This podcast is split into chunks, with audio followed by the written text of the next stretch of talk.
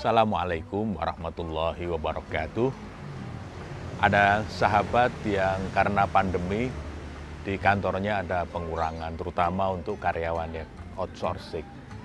Sehingga sahabat ini di PHK. Padahal dia sudah sangat happy kerja di situ dan sudah cukup lama. Nah selama ini baik-baik saja, tapi karena pandemi kemudian semua harus dikurangi dan beliau termasuk salah satu yang di PHK. Beliau sebagai security, kurangnya gagah, kelihatan tough, tapi begitu di PHK, dia menangis tersungkur. Selama beberapa hari beliau sangat sedih dan kemudian berusaha untuk bangkit, ya mencari informasi di sana sini barangkali ada pekerjaan lain yang bisa beliau lakukan. Sebetulnya tidak cuma beliau yang mengalami situasi yang seperti itu. Tidak hanya bekerja di level security, tetapi bahkan pengusaha-pengusaha besar pun juga mengalami hal yang sama ada yang harus gulung tikar, ada yang harus memangkas banyak karyawannya. Karena memang situasinya menjadi sangat tidak mudah di era pandemi ini. Maka kita mencoba membandingkan. Kalau tadi itu kan problemnya adalah problem personal karena pekerjaan di PHK dan kemudian dia berpikir bagaimana harus menghidupi keluarganya. Tapi coba kalau kita flashback balik ke belakang. Bagaimana sejarah para nabi, ya terutama Rasulullah Muhammad Shallallahu Alaihi Wasallam bersama para sahabatnya. Uh, luar biasa cobaannya semikian berat. Karena cobaan sebagai nabi luar biasa.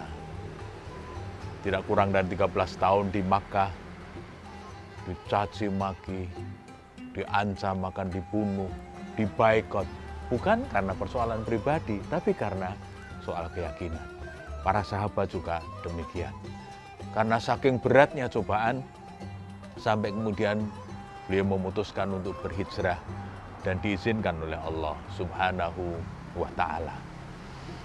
Nah, pada saat menghadapi situasi-situasi yang sangat sulit, kita perlu melihat apa yang pernah dialami oleh Rasulullah pada saat menerima wahyu yang pertama.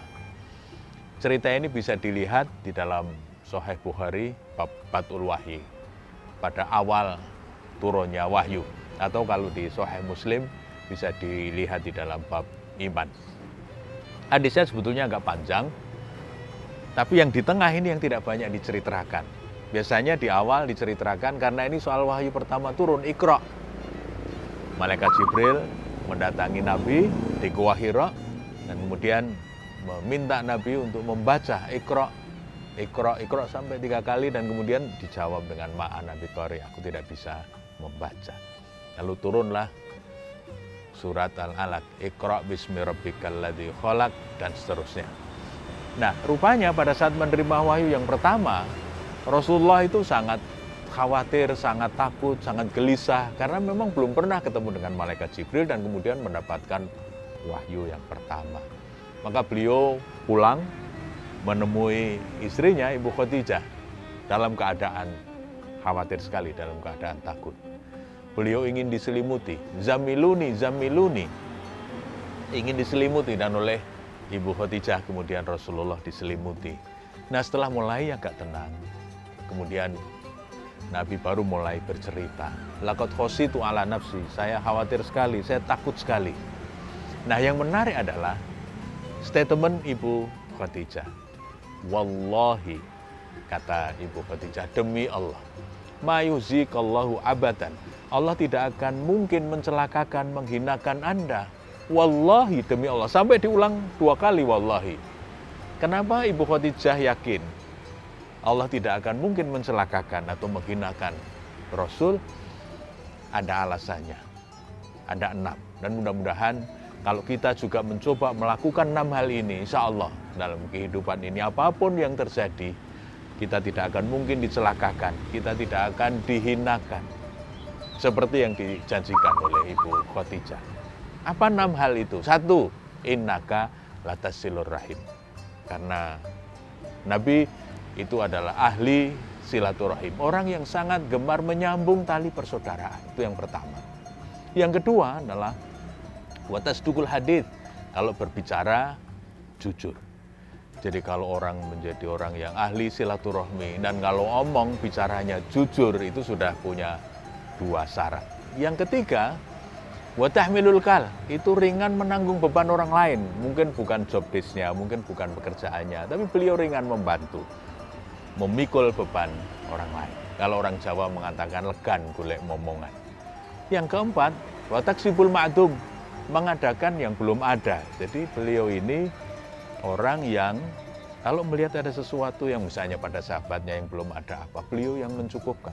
Beliau yang kemudian membantu mengadakan sesuatu yang belum ada. Jadi ringan membantu. Yang kelima, watakrid doif, memuliakan tamu. Menjamu tamu. Jadi kalau ada tamu, kita perlakukan dengan sebaik-baiknya. Karena ikramud daif itu tuntunan Nabi kita sebetulnya sudah baik dalam menjamu tamu, tetapi yang sering jadi persoalan adalah kita masih sering membeda-bedakan tamu. Kalau tamunya penting, cara mensikapinya semikian lupa. Tapi kalau tamunya biasa, cara menghadapinya juga biasa. Yang terakhir, watu'ainu ala nawaibil haq, yaitu berpihak kepada yang benar.